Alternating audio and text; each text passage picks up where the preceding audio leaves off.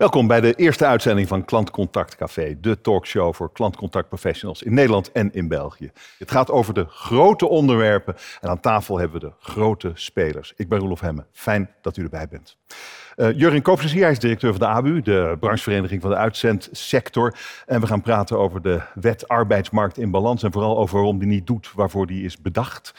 En dan is Koen Spruit hier ook, de man die voor de GGD de coronalijn uit de grond stampte. Een megaklus. Dan is uh, Ruben Leuwenstein bij me. Hij is bij Samsung in de Benelux verantwoordelijk voor, uh, voor customer care. En hij maakte ook een van de grootste outsourcing deal in de hele sector. En hoe doen ze het dan in België? Dat weet Hans Kleinput. Hij is directeur van Customer Contact. Dat is de Belgische branchevereniging voor de klantcontactsector. Fijn dat jullie er zijn. Wij gaan uh, beginnen met de wet arbeidsmarkt in balans. Nou, in werking sinds januari bedoeld om vast werk te bevorderen ten koste van flexwerk. Dat was het idee. Het zou beter zijn voor de economie, beter zijn voor de werkgever, beter voor de werknemer, beter voor iedereen. De vraag is of dat zo is. Uh, Jurien, Jurien Koops, directeur van de ABU, de branchevereniging, introduceerde je al. Doet die wet eigenlijk wat hij moet doen? Wat vind je? Nou, dat is eigenlijk nu heel moeilijk te zeggen, omdat die wet natuurlijk eigenlijk ingehaald is door uh, de coronacrisis. Uh, hmm. En toen die wet er aantrad, hebben wij ook onderzoek gedaan onder onze leden. En toen bleek die toch wel te doen wat hij moest doen. Want flex werd wat teruggedrongen en vast uh, kwam wat meer.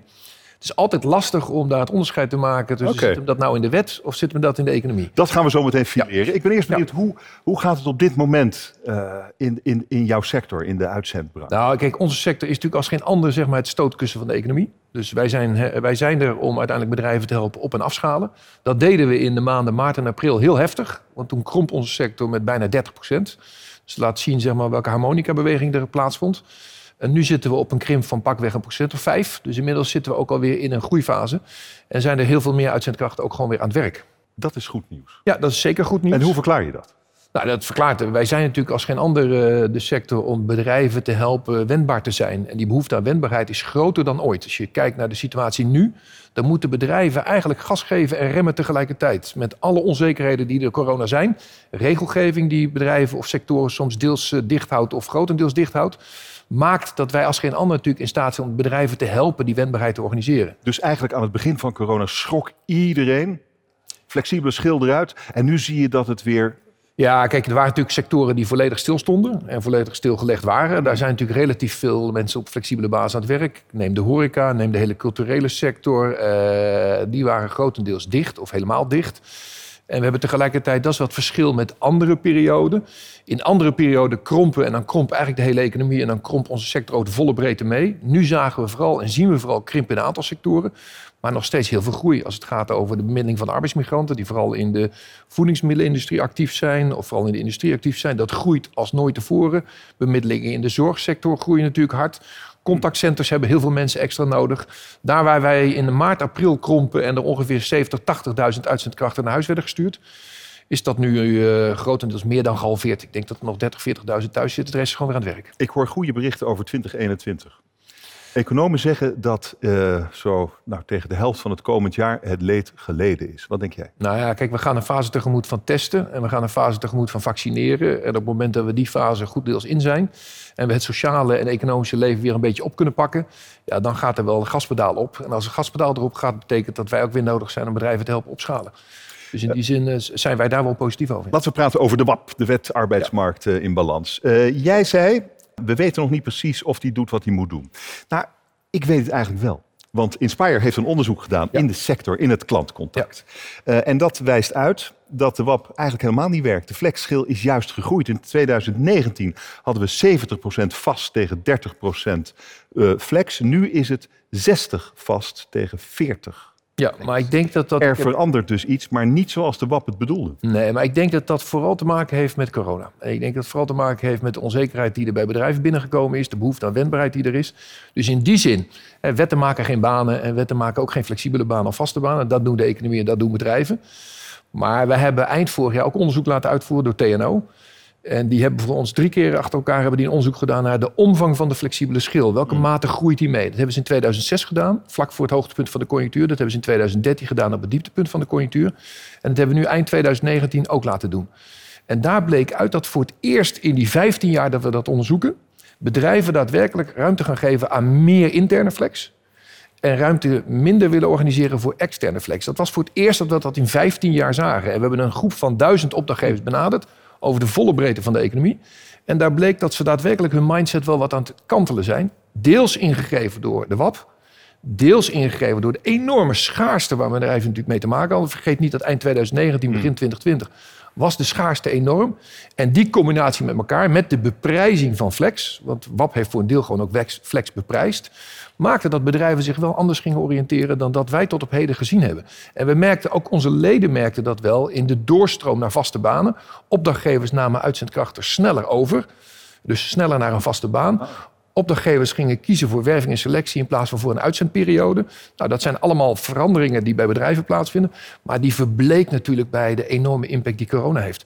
Kijk, wat daaronder zit, en daar ben ik wel kritisch op. Kijk, die wet die beoogt iets te doen aan die balans tussen vast en flex. Maar het is natuurlijk een pleister op de veel grotere discussie die we met elkaar moeten voeren hoe we de arbeidsmarkt willen inrichten. Dus in die zin ben ik kritisch. Die wet is echt maar een pleister op de hervorming die de arbeidsmarkt nodig heeft. Maar tegelijkertijd deed hij eind 2019, begin 2020 wel wat we vermoeden dat hij zou moeten doen. Maar wat daaronder zit, kijk, die behoefte aan flexibiliteit die bedrijven hebben, die neem je niet weg. Die vindt alleen dan een andere weg. Die zie je nu hier, uiteindelijk met een grotere flexschil. Die zie je groeien naar meer outsourcing in plaats van uh, uitzenden. Die behoefte neemt niet af. Ruben, wat vind jij van de WAP? Wat doet die voor, in jouw beleving? Nee, ik, ik vind, vind, je wel, wat je zegt wel heel mooi. Van we, we, moeten een bredere discussie gaan voeren hoe we met arbeid omgaan. Ik denk dat nou, dat eerst even naar die WAP kijken. Um, ik denk dat de branche die wij zijn, hè, waarbij dagpatronen per kwartier worden gemeten, ja, wil je zo flexibel mogelijk zijn. Maar ik denk aan de andere kant ook dat talent wil je aan je binden. En daar helpen vaste, vaste contracten weer, weer, weer mee. Dus het is eigenlijk altijd een beetje kiezen tussen twee uitersten. Je wil zo flexibel mogelijk zijn. Mm. Hè, waarbij je dus mensen laat komen voor vier uur per dag. Wat eigenlijk maar nu wordt flex duurder ten opzichte van vast. Dat klopt. Uh, in, jij zit in een sector waar, waarin het echt gaat om wat jullie microkosten noemen. Ja, het gaat om de laatste cent. Dus flex kost dan meer, maar levert ergens anders ook weer wat op. Dus, dus wat flexibeler je bent, dat, dat brengt ook weer geld in. Hoe verstoort de, de WAP jouw werk? Uh, je, je, gaat anders naar dingen kijken. Wat, ik, wat ik net al zei in de voorbespreking. Uh, wat ik zie gebeuren is dat in Paramaribo nu meer seats gevuld worden dan voor de WAP. Hey, je, ziet, je ziet daar gewoon meer bedrijven naartoe uh, gaan. Ook voor corona. Ik denk dat uh, mooie opmerking net. Uh, het vindt ze weg wel. Ja, ook hier zie je dat bedrijven toch drukken op kosten. En dan dus toch ook naar, naar offshoring gaan kijken. dus haal je er banen bij in Nederland? Nee. Vaste banen, ja misschien, maar dan gaat ook een deel weg. Dus je zou kunnen zeggen, voor de klantcontactsector is het eigenlijk helemaal geen goed nieuws. De WAP is voor de klantcontactsector, mijn mening persoonlijk, persoonlijk nee, dat geeft wel extra spanningen. Oké. En uh, wat, zou je, wat zou je nodig hebben? Wat, eh, als straks die WAP gaat doen wat Jurien denkt dat hij gaat doen, uh, dat er veel meer mensen met een vast contract zullen zijn, omdat het andere gewoon niet interessant is. Denk je dat er dan nog meer offshoring zal komen? Want ja, hoe, hoeveel mensen passen er in Suriname? Dat is een mooi politiek antwoord. er zijn er nog een hele hoop. Uh, daar, past, daar past heel veel. Daar past heel veel. Want het, het zijn hele talentvolle mensen. Het is, het is een goed alternatief.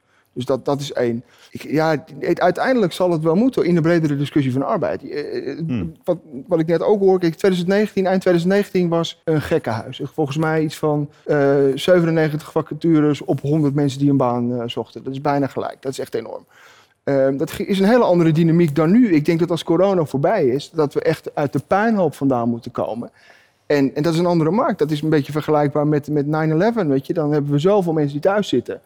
Ja, dan heb je weer een ander, ander verhaal. Als ik nu zie, als wij een webcare vacature uitzetten, dat ik 200 mensen heb om, om 12 uur s middags. Daar waar ik vroeger nou, na zes weken geluk had als ik er, als ik er één kon vinden. Dat is een heel ander verhaal aan het worden. En, en ik denk dat we daar ook weer op moeten anticiperen. Ik denk dat de politieke discussie, eh, wat ik altijd een mooi voorbeeld vind, misschien iets te breed voor hier.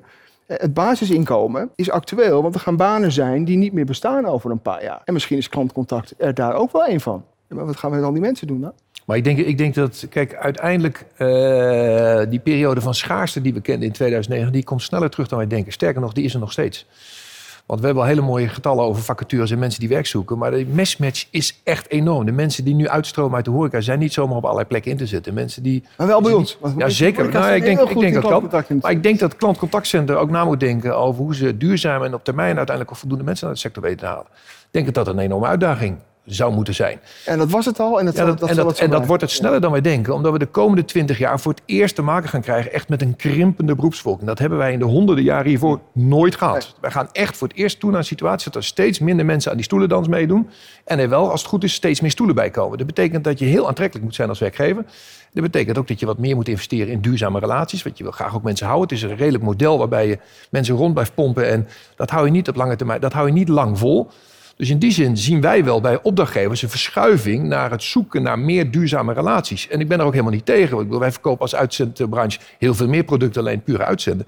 Maar de duurzaamheid van die relaties, die zagen we echt wel terug bij opdrachtgevers die eind vorig jaar vragen van ons beantwoorden. Die waren op zoek naar voldoende mensen, voldoende vakbekwame mensen die op een duurzame manier te binden, sneller een vast contract geven of een tijdelijk contract bij de opdrachtgever. Dat zagen we echt wel terug. En ik denk dat dat sneller terugkomt dan wij denken. Het, het, het, het aantal dingen moeten we scheiden. Want we hebben het over klantcontact en, en, en, en mensen er doorheen eh, jagen. Ik denk dat dat bij facilitaire partijen eh, sorry, iets meer is dan in-house partijen. Ik heb hiervoor eh, vijf jaar bij een bank gewerkt. Daar hadden gewoon mensen die 15 jaar klantcontactwerkzaamheden deden. Ik denk dat dat blijft. Dat, dat zijn de banen waarbij je mensen lang aan je bindt. Eh, ik denk dat juist die flexibele schil die je zoekt hè, bij een facilitaire partij, daar wringt het. Daar zullen we iets anders moeten gaan doen. Eh, Koen, jij, jij hebt een enorme operatie op touw gezet. Volgens mij hebben je inmiddels 6000 mensen Ja, ruim. bij de ja. coronalijn. Eh, Ja. Nou, eh, waar hebben die vandaan? Die zijn vast niet allemaal in vaste dienst. Nee, nee. Ik denk dat er geen één in vaste dienst is, behalve Nee. jij misschien. Ah, Maar dan bij iemand anders. Ja, bij dan bij Teleperformance inderdaad. Nou hebben wij eh, wel een grote schil van mensen die in vaste dienst zijn bij ons. Maar in dat specifiek voor de coronalijn, dat was natuurlijk in een hele korte tijd een onwijs grote operatie opzetten. We hadden twee weken om even wat gevoel erbij te geven. Twee weken de tijd om van 0 naar 1500 man toe te gaan. Uiteindelijk zitten we naar boven de 6000. Nou, en als je dat in de periode even pakt van nog geen vijf maanden, dan ben je in één keer een grote corporate aan het worden. Ja, dat is natuurlijk uniek. Ja, dat red je niet met allemaal mensen zelf te gaan recruiten en te gaan werven. Dus dan ben je afhankelijk ook van een stuk flexschil, zeker waar. Dus ik ben daar zeker blij mee. Maar ik herken wel wat hij zegt. Weet je, uiteindelijk wil je ook mensen binden aan je bedrijf. Je ziet gewoon hoe langer mensen in dienst zijn, hoe beter ze performen. Hmm. Keerzijde is, en dat zie je niet alleen bij de coronadays natuurlijk. Je hebt altijd wel je patronen, weet je. Of het nou Black Friday is of wat voor eh, patronen dan, eh, die we allemaal wel kunnen inbeelden. Dus, dus zeker een contactcenter, je ontkomt niet aan een flexibelere schil. Ik ben niet bang voor een, voor, een, voor een vaste backbone van mensen. Weet je, ik denk dat er altijd wel werk is voor een grote groep mensen in de contactcenterbranche die gewoon een vaste betrekking ook kunnen hebben. Maar ik denk dat, dat flexibiliteit ook wel een heel belangrijke is in, in het verhaal. Want die 6000 die zitten ook allemaal vanaf thuis te werken. Ja, dat, dat, dat, dat- ja inderdaad. Weet je, dat is natuurlijk ook nu. Hè? Dus eh, er zijn maar weinig contactcenters waar nog mensen fysiek op een, op een zaal zitten. Dus nou ja, ook bij ons. Weet je, het zijn nog maar een handjevol. Is er Hans in België eigenlijk ook eh, zo'n eh zo'n WAP? Het, zegt mij niks. Dus misschien dat jullie mij even in, onder, eh, in onderwijzen. Bij jullie speelt dat helemaal niet. Daar gaan de moeilijke vragen heen. Ja, wat, wat ik ervan merk is dat, dat, er, eh, eh, dat men blijkbaar probeert om een beetje een stop te zetten op te veel inzetten van uitzendkrachten en te lang wachten met, eh, met contracten te geven, Ja. als ik het zojuist eh, interpreteer. Ehm, bij ons is dat niet, eh, niet het geval, al heb je natuurlijk altijd wel ook de vakbonden die eh, eh, daar toch een poging toe wagen om ook binnen onze sector daarvoor voor te zorgen dat er meer mensen richting vaste contracten gaan. Maar flexibiliteit is op dit moment binnen ehm, de verschillende Belgische regering toch wel een modewoord eh, waar de vakbonden niet altijd om staan te springen, maar waar de ondernemers wel nood aan hebben. Want ik hoorde ook bij onze leden hetzelfde verhaal een beetje. Iedereen zit thuis te werken en daardoor creëer je een nieuw publiek voor je contactcenter. Ja. En dat zijn net Ja. mensen die die flexibiliteit zelf willen. Die willen niet altijd vasthangen aan een, een vast contract en aan een vast aantal uren. Maar die zijn ook wel op zoek naar, naar flexibiliteit. Die zijn blij dat ze niet de auto in Ja. moeten. Die willen eh, tussen 8 en 10 eh, niks doen, want dan zijn ze bezig om eh, de kinderen klaar te maken voor, eh, voor school. Die hebben over de middagtijd, of, of bijvoorbeeld mensen die met studies bezig zijn, die zeggen bepaalde dagdelen wil ik best werken in het contactcenter, maar ik wil niet naar een vast contract voor 24, 32. Maar dat is toch grappig, in België is het eigenlijk andersom. Maar daar zit het verschil, denk ik ook. Ik denk, kijk, de, de WAP op zich is een hele goede wet. Want ik denk dat we, we hebben mensen die hebben een nul uren contract en die weten nooit wat ze per maand gaan verdienen. En die, dat, dat is verborgen armoede. Die mensen hebben een baan, maar verdienen te weinig om hun kinderen goed te kunnen voeden. Dat is natuurlijk altijd fout. Ehm, maar er zijn ook mensen die zeggen, nou weet je wat, ik wil om eh, negen uur, om half negen gaan mijn kinderen naar school. Dan wil ik van negen uur tot twaalf uur wil ik aan het werk. Dan wil ik eh, eh, een uur vrij zijn, want dan ga ik met mijn kinderen een broodje eten. En om één uur tot drie uur ben ik weer beschikbaar en dan ben ik niet meer beschikbaar. Eigenlijk kan dat niet met de WAP. Die flexibiliteit haal je er ook voor die mensen die thuiswerken uit vandaan. Hoezo kan je niet een vast contract hebben met de beperkingen die je, Je, noemt? je zit met je uren die je mag inzetten, ja of nee. hoofdtermijn. En er mogen geen ge- of gebroken shifts in zitten. Je mag niet twee shifts op één dag. Nee, herkenbaar probleem. Ja. Oké, dus, maar hoe gaan we, eh, eh, hoe gaan we dit eh, grotere probleem oplossen, wat je net aansneed, eh Jurien? De arbeidsmarkt, veel breder dan het verschil tussen flex en vast. Je zou kunnen zeggen dat de wat misschien het begin is daarvan. Dat het kabinet zegt het is beter voor zo ongeveer alles om eh, meer vast te werken. Bijvoorbeeld als je een hypotheek wilt. Het is heel lastig om een hypotheek te krijgen als je, als je een flexcontract hebt. Dus daar zit wel wat in, denk ik. Ja, kijk, de, kijk, de, de grotere discussie, eh, zeg ik al, de WAP is een, is een pleister op, een, op een, een vraagstuk wat echt wel wat breder is. Die groot, dat grotere vraagstuk is eigenlijk hoe krijgen we zoveel mogelijk mensen aan het werk? Want er zijn natuurlijk heel veel mensen die langs de kant staan. En hoe doen we dat in arbeidsarrangementen die een goede balans kennen tussen flexibiliteit en zekerheid? En wij zien in de praktijk dat dat echt wel een beetje doorgeslagen is. Wij zien ook dat voor een deel onze sector ingehuurd wordt om het werk steeds goedkoper te maken in plaats van steeds beter of steeds flexibeler te maken. Nou, dat is eigenlijk ook iets wat wij niet willen. Wij zien ook dat opdrachtgevers, ik praat of mijn leden praten tegenwoordig vaker met inkopers dan dat ze met HR-managers praten. Dat zegt al iets. En die kopen de glazen in en die kopen de, de, de, de stengeltjes in en die kopen ook het uitzenden in. Dat is niet het wenkende perspectief waar we naartoe moeten. Zeker niet als je te maken gaat krijgen met tekorten. En wat je eigenlijk zou moeten doen, en dat is wat, wat commissie Borslap natuurlijk ook gedaan hebben, dus een soort opvolging van de WAP zou dat moeten zijn, is hoe brengen we daar nou een betere balans in aan? En die betere balans begint eigenlijk met de erkenning dat je een groot aantal variëteiten van arbeidscontracten nodig hebt om die arbeidsmarkt flexibel te kunnen houden, om ook in te kunnen spelen op de behoeften van bedrijven en vooral ook op de behoeften van mensen. En de zekerheden en de risico's die daaromheen hangen, beter inprijst die, die verschillende relaties. Zodat die zekerheden ook over mensen, met mensen mee kunnen gaan op het moment dat ze van de ene arbeidscontract naar het andere arbeidscontract stappen. Nu zijn er mensen die op 42-jarige leeftijd ZZP'er worden en een deel van hun pensioen kwijtraken. Nu zijn er mensen die flexibel werken en niet in aanmerking komen voor de WW. Nu, nou, dat soort arrangementen moet je... Maar dan moet je een paar dingen regelen. Dan moet je het pensioen regelen. Nou, daar zijn jullie mee bezig, toch? Ja, wij hebben een pensioen in de uitzendbranche. We zijn een van de flexvormen. Ja, het gaat pas na een half jaar in, hè? Ja, nou, wij willen dat ook nadat het een kortere termijn gaat gelden. Dus we willen uiteindelijk terug naar een termijn van acht weken. En misschien als het kan ook nog korter. Wat wij ook al geregeld hebben in onze branche. Een mooi voorbeeld is de perspectiefverklaring. Met die perspectiefverklaring kunnen uitzendkrachten daadwerkelijk een hypotheek krijgen. Die perspectiefverklaring is eigenlijk eh, niet de achteruitkijkspiegel die voor veel andere werknemers geldt. Hè. Vraag aan je werkgever een werkgeversverklaring en je kan een hypotheek aan gaan vragen. Nee, bij ons werkt het zo. Kijk naar wat de positie van die man of vrouw op de arbeidsmarkt is. Kijk of die over drie jaar dat nog kan verdienen. En op het moment dat daar een positief antwoord op komt, krijgt hij een perspectiefverklaring en kan een hypotheek gaan aanvragen. Dat zijn modernere vormen waarmee je kijkt naar hoe je ook met flexibele arrangementen toch zekerheden, want voor veel mensen is een huis eigenlijk de eerste en de allerbelangrijkste zekerheid, toch binnen handbereik kan brengen. Maar dan is er nog iets. Het, ehm, eh, nou, we, hebben de, in de quickscan van minister Koolmees gezien dat eh, uitzendwerk en payrolling wat duurder zijn geworden. Dat was natuurlijk ook het beoogde effect van, van, van die wet. Maar we zien ook dat die ontslag makkelijker moest maken. En eh, de eerste signalen wijzen erop dat dat niet makkelijker wordt. Rechters gaan niet mee.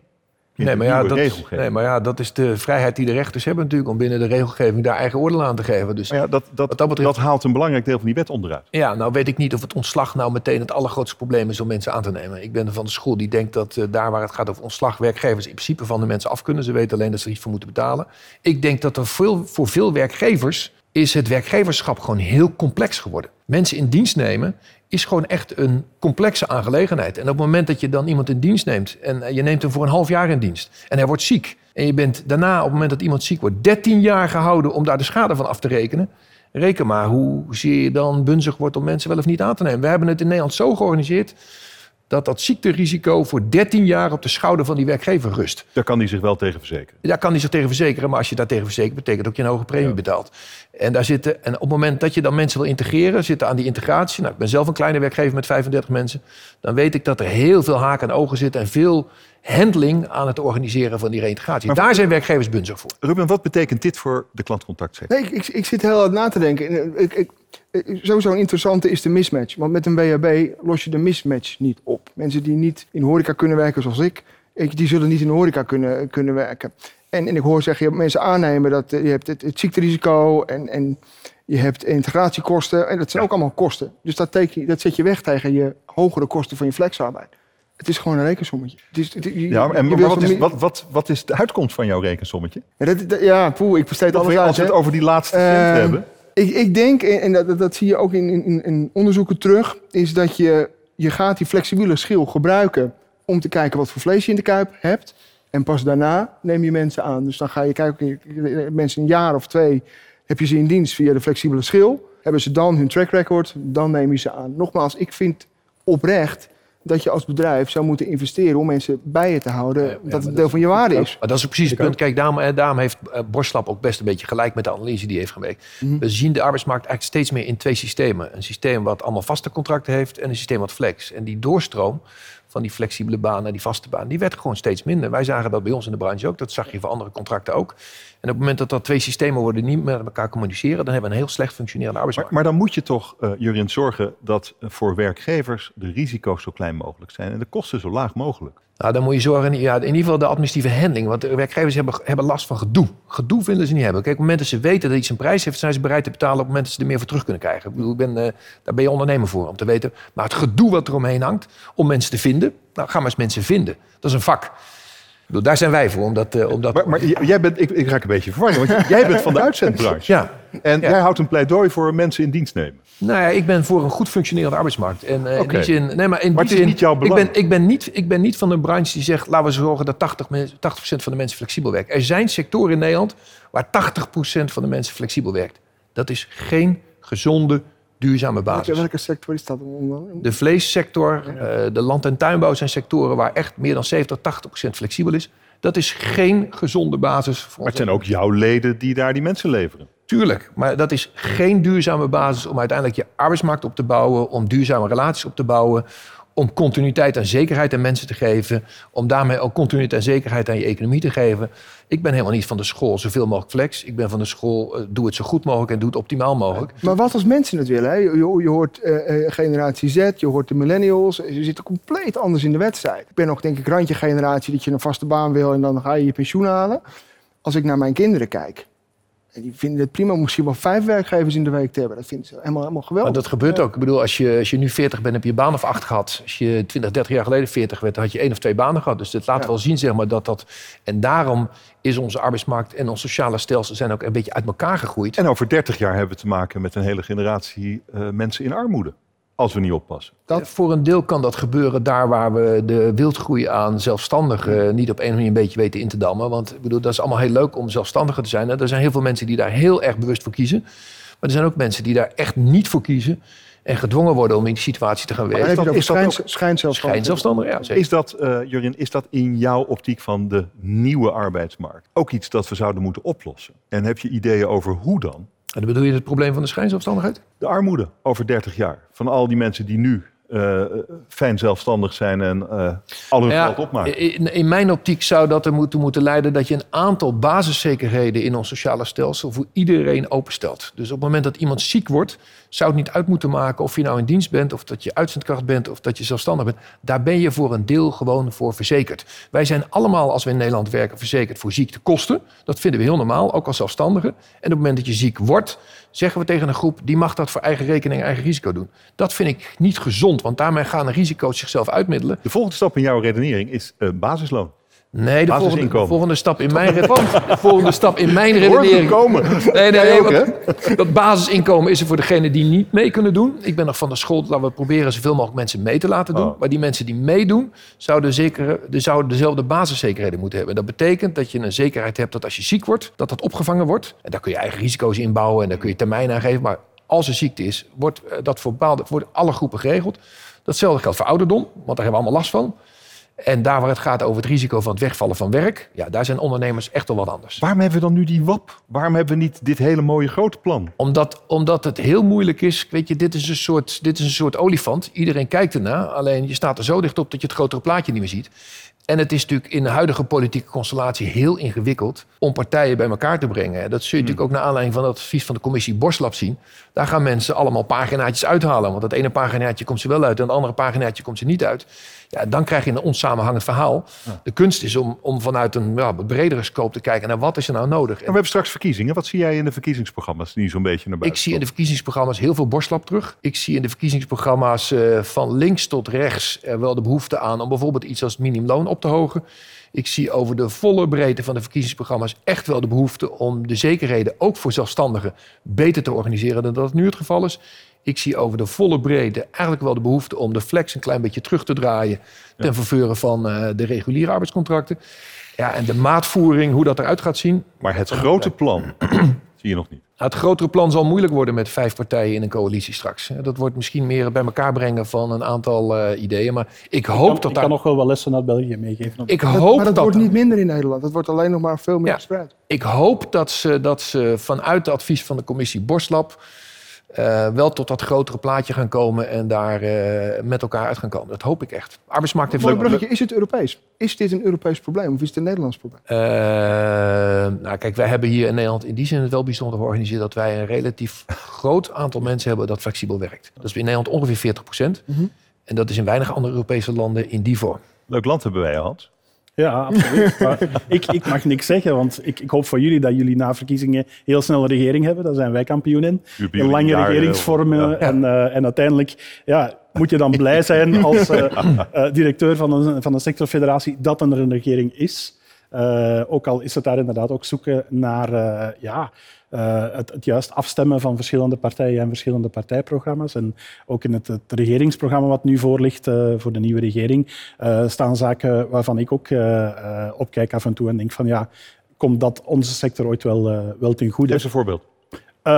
Bijvoorbeeld, wij hebben op dit moment nog altijd een opt-out in, in telemarketing in, eh, in België.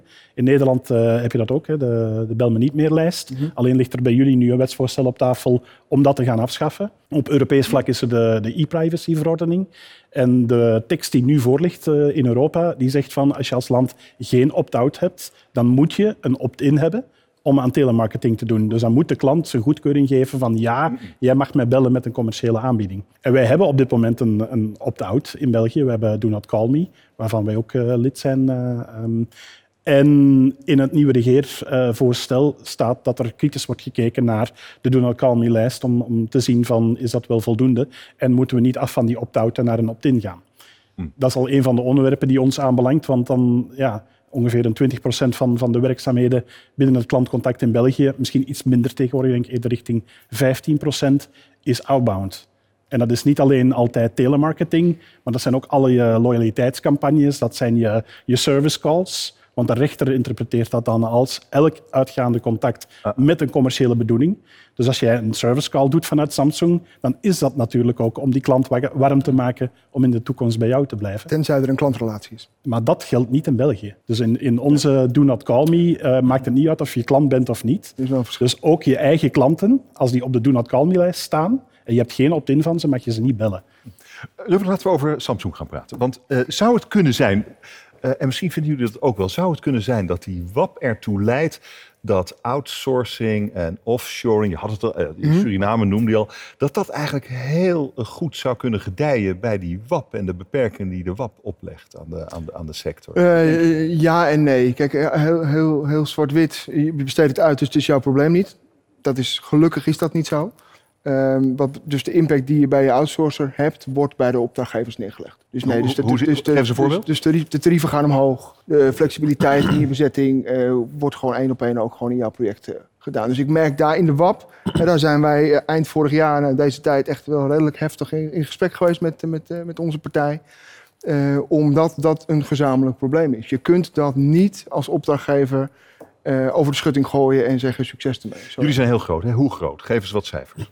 eh, als in jullie, als in Benelux. In customer of- care, Benelux, van, over hoe groot is jullie probleem, wat je nu net Nee, wij doen ongeveer eh, 1,2 miljoen contacten per jaar. Over alle, kanalen, over alle kanalen heen. En we hebben zo'n 320 man nu, nu zitten in onze klantcontactoperatie. En dat is een geoutsourced operatie. Ja. En eh, wat, waar ging dan het gesprek over dat je, waar je net Eh, aan refereerde? Als, als, als eh, opdrachtgever heb je verschillende afrekenmodellen. Ja, je, hebt, je kan mensen per uur betalen, je kan mensen per minuut betalen, je kan allerlei per, per FTE betalen.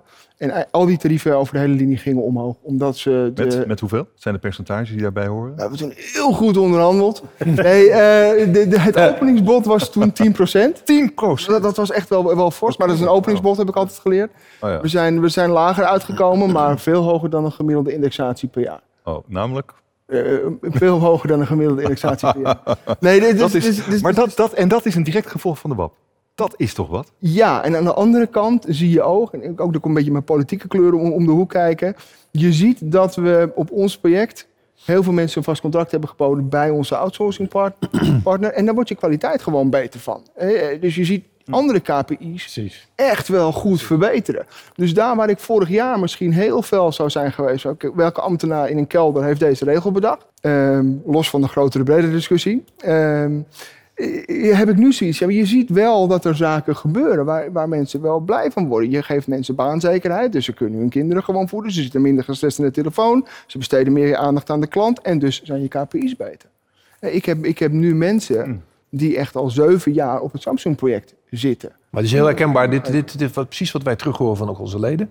Dat in die periode rondom de introductie van de WAP... er een veel bewuster inhuurgedrag ontstond bij opdrachtgevers... om na te denken, wat huur ik nou wel in, wat huur ik nou niet in? Onder welke condities huur ik het in? Waar het daarvoor een soort, ja, toch gemaks... hè, We moeten het snel en we moeten veel. Ik zou zeggen dat dit een goede ontwikkeling is. De- Wij vonden dat en mijn leden vinden dat ook een goede ontwikkeling. Want dat Alleen het maakt is ze een stuk duurder. het is duurder geworden, maar het is bewuster geworden. Het is meer geprofessionaliseerd. Er wordt meer op de kwaliteit gelet. Je kunt je als intermediair meer onderscheiden waarin je het goed doet ten opzichte van de rest. Dus ja, dat is nu door corona een klein beetje vervlogen. Maar deze beweging zat er echt wel heel duidelijk in. Jongens, maar we hebben het over mensen eh, achter, achter het beeldscherm en aan de telefoon. Maar straks zijn het natuurlijk gewoon robots. Voor een deel, ja. Voor een deel. Dan is het probleem weer weg. Nee, voor een deel. Nee, kijk, eh, nou, mijn, mijn stokpaardje. Wij hebben, wij hebben ook robots en wij hebben ook bots. En we hebben, nee, maar het klantcontact wordt belangrijker. Dus, dus uiteindelijk, en, en daarom sloeg ik net aan op die mismatch.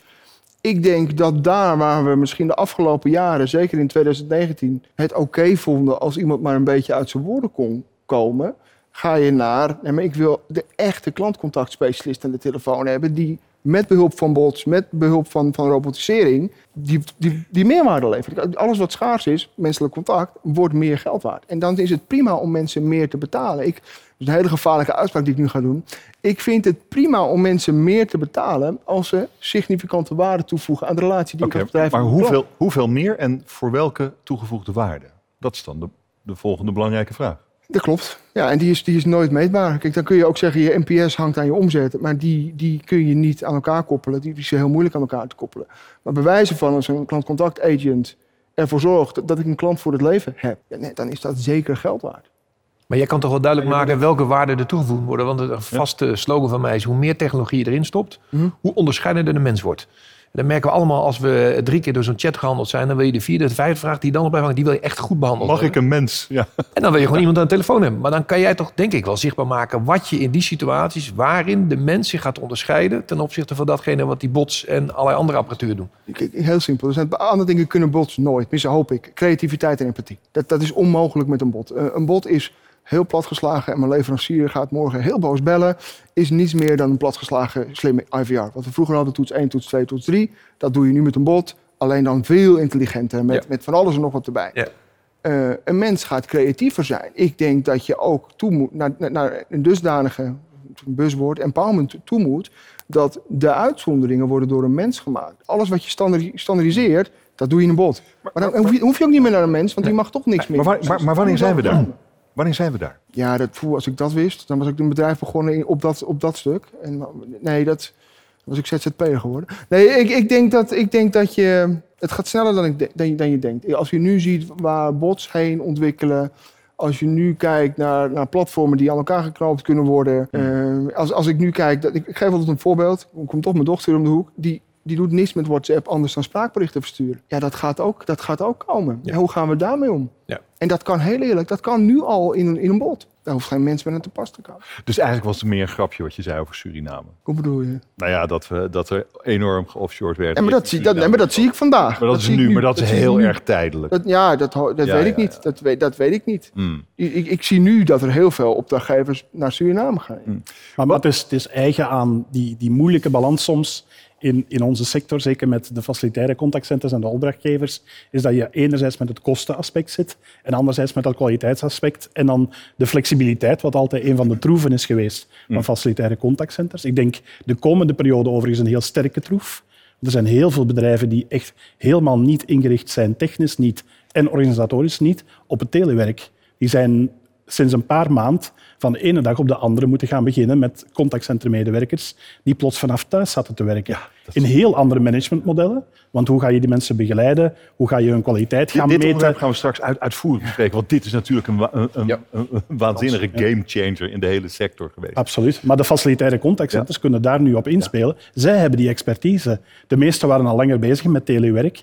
En ze hebben de infrastructuur ervoor. Ze hebben het model om eh, de teamleaders van op afstand mensen te laten aansturen. Maar ja, moet je kijken wat er gebeurt in de markt. Hier, de- hier heb ik de, eh, de, de, de 20 eh, grootste uit de klantcontactcenter. Die, de Customer, Customer First heeft daar. Die, die, die bekijken dat elk jaar ge, ge- ge- gerangschikt. En wij naar- lezen dat elk jaar heel braaf.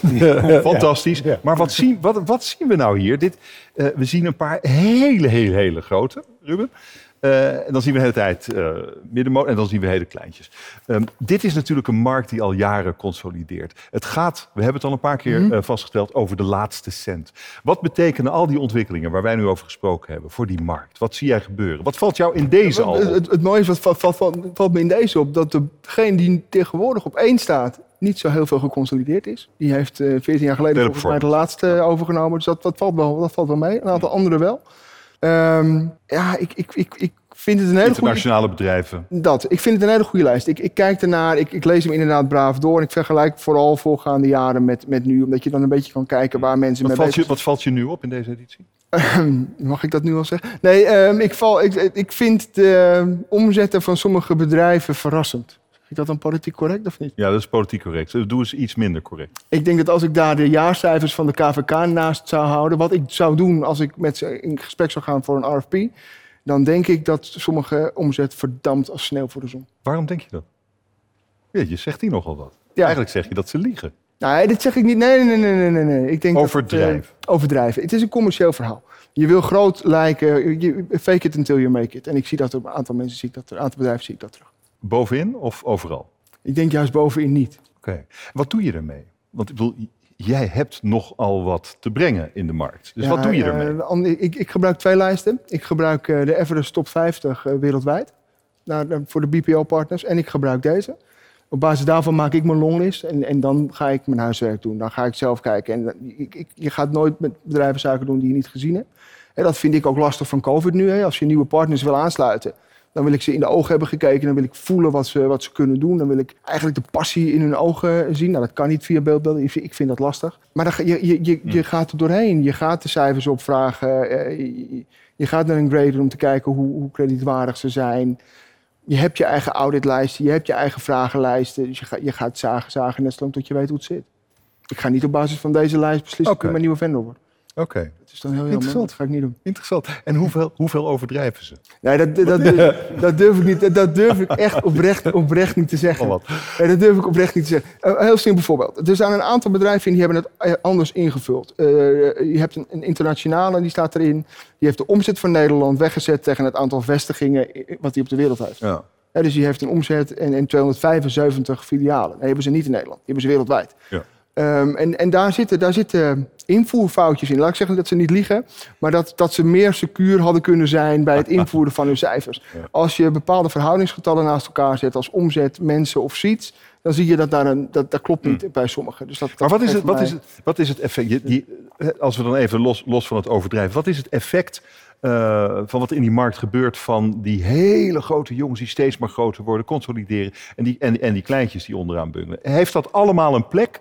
Het wordt steeds internationaler, het wordt steeds groter. Is dat goed? Ja, en ik weet niet of dat zo is. Ik weet, heel eerlijk, als ik, Nou ja. een, als ik een bedrijf zou hebben, eh, een lokale speler in de Benelux of in Nederland, dan weet ik niet of ik met de grootste zou willen werken. Het is een, het is Hmm. een match in DNA. Heel simpel, eh, olifanten praten met olifanten, zeg ik altijd. Ik denk dat het voor mij lastig is om met de nummer 20 te gaan werken. Die is voor mij te klein. Die blazen ik omver. Dat moeten zij niet willen. Dat moet ik niet willen. Dan wordt mijn omzet, eh, laat ik zo zeggen, ze worden vijf keer zo groot. Dat, dat is niet gezond. Dus dan ben ik 80% van een omzet. Dat moet je als bedrijf niet willen. Sterker nog, er staat er eentje in, die heeft dat vijf jaar geleden tegen mij gezegd. "Nee, Ik, ik wil niet met jou werken, want je bent veel te groot. Ehm, dus je moet een beetje naar je DNA kijken. En, en, en de een past wel bij je en de ander past niet bij je. Het is alsof je uit eten gaat. Ja, de ene keer wil je naar de Chinees, de andere keer naar de Griek. De volgende keer wil je sushi halen of wil je naar de, naar de burgertent. Dat, dat hangt van je eigen bedrijf af. Maar je wil wel lekker Maar, eten. en- en- Maar, je wil, maar, maar heel eerlijk, geen van de twintig eh, serveert rotzooi. Ik, en ik geloof ook wel in partnership. Weet je? Dus Ja. ik geloof ook niet dat je iedere twee, drie, vier jaar moet gaan wisselen van partij. Ik denk dat je ook iets opbouwt. Weet je? Dat je elkaars business steeds beter gaat begrijpen. Dus voordat je inderdaad heel je business overbrengt naar iemand anders, ja, dan moet je. En dan zeggen ze tegen je, het wordt 10% duurder. Ja. Ja, dat werd het, dat werd, maar dat werd het overal. Ja. Dus Ja. dat werd het overal. Dus Oh, Ja, maar natuurlijk staat er een clausule in je contract dat je naar weg kan. En dat heb ik één keer eerder gedaan, van de een naar de ander. Ik, ik, die, die inhammen komen daar vandaan. Dus dat wil je eh, zo min mogelijk. Oké, wij hebben in Nederland eh, de top 20 eh, van klantcontactbedrijven. Eh, hele grote bovenaan, hele kleintjes onderaan. Natuurlijk op basis van omzet. Maar dit is een mooi lijstje. Maar hoe is dat in België geregeld? Wel, wij gaan ook kijken om een soortgelijk eh, onderzoek te doen, eventueel met Customer First ook, om, om een Belgisch lijstje te kunnen gaan, eh, gaan samenstellen. Oké, er komt Wij- een, Bel- er komt een We zijn daarnaar aan het kijken om dat in 2021 te gaan doen. Dus eh, mogelijk komt het er. Eh, er is al sinds al wat animo voor om ook die markt wat meer in, in kaart te gaan, eh, te gaan brengen. Eh we hebben een beetje een atypische markt in, eh, in België. Eh, we hebben te maken met een heel aparte cultuur. Hè. Eh, België tegenover Nederland en andere landen rondom ons. Eh, we zitten met Vlaanderen, met Wallonië, met het, met het Brussels gewest. Je zit met de talen. Eh, dus je zit bij ons met een contactcenterlandschap waarin geen enkele grote internationale speler zit. op Er dit schijnen moment. veel Belgen in Nederlandse contactcenters te werken.